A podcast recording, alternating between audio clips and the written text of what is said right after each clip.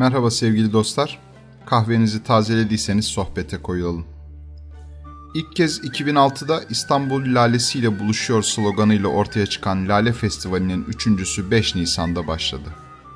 Japonya ve Hollanda'nın katılımıyla artık uluslararası bir kimlik kazanan festival, Taksim başta olmak üzere İstanbul'un değişik mekanlarında çeşitli etkinliklere sahne olmakta. Festival kapsamında İstanbullulara 2007 Kasım'ında dağıtılan 1 milyon lale arasından seçilen en güzel 100 lalenin sahiplerine ödülleri verilecek. Bu etkinliklerin arasında lalenin günlük yaşamda kullanım alanlarına ait fotoğraflardan bir sergide yer almakta. Lale yansımaları temalı sergide hüsnü hat, ebru, kumaş deseni, altın gümüş işçiliği, cam işçiliği ve kalem işi gibi çok çeşitli lale figürlerinin kullanıldığı ürünler fotoğraflanıyor. Ayrıca heykeltıraş, mimar, cam ve seramik sanatçıların ürettiği özgün lale tasarımları da kentin etkinlik alanlarında sergilenmekte. Lale'nin İstanbul'la buluşması temasını işleyen 40 tabloluk resim sergisi ise izleyenleri büyülüyor. Festivalden bizim aklımızda Lale'nin kökeni neresi sorusu kaldı. Lale dendiğinde aklımıza yüzlerce çeşidin binbir nazla boy gösterdiği Hollanda geliyor elbette. Özellikle de baştan sona güzelliklerle dolu Amsterdam. Ancak bilim insanları lalenin kökeninin Orta Asya'da Kazakistan'a kadar dayandığı savında ısrarlı. Anadolu'ya ise bir iddiaya göre Selçuklu Türkleriyle gelmiş. Başka bir iddiaya göre ise Orta Anadolu'da özellikle de Nevşehir ve civarında doğal olarak yetişmiş lale. Roma ve Bizanslıların daha laleyi tanımadıkları 12. yüzyılda Anadolu'da süsleme motifi olarak da kullanılmaya başlanmış. Mevlana Anadolu'da laleyi şiirlerinde kullanan ilk düşünür olmuş. Avrupalı yazarlar ilk dönemlerde laleyi tanımadıklarından bir çeşit zambak zannederlermiş onu.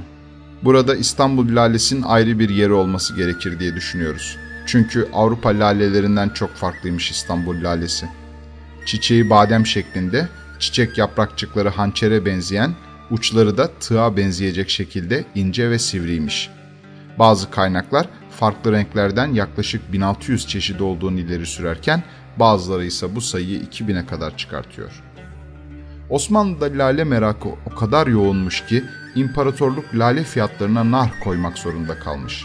1725 tarihli bir lale narhı listesinde en pahalı lale 30 Cumhuriyet altını değerindeymiş. 1600 lalenin ismini ezberden söyleyecek kişiler yaşarmış o günlerde. 16. yüzyılda ortaya çıkan İstanbul lalesi 18. yüzyılda bir devre ismini verdikten sonra 19. yüzyılda ortadan kaybolmuş. Şimdilerde yani 150 yıl sonra geriye kalan 3 akrabasının genetik yapıları birleştirilerek yeniden İstanbul lalesi üretilmeye çalışılıyor.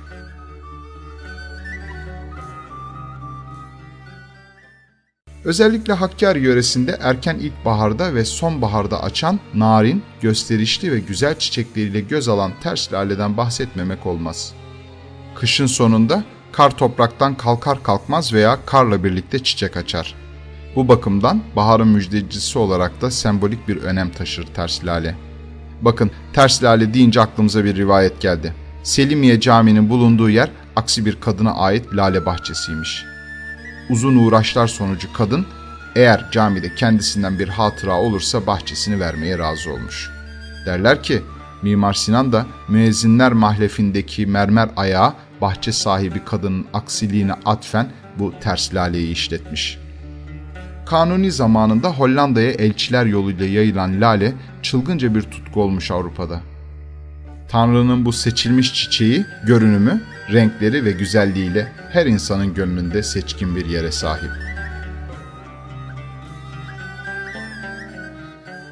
Bir dahaki buluşmamıza kadar kahveniz sıcak, sohbetiniz koyu olsun. Sevgiyle kalın.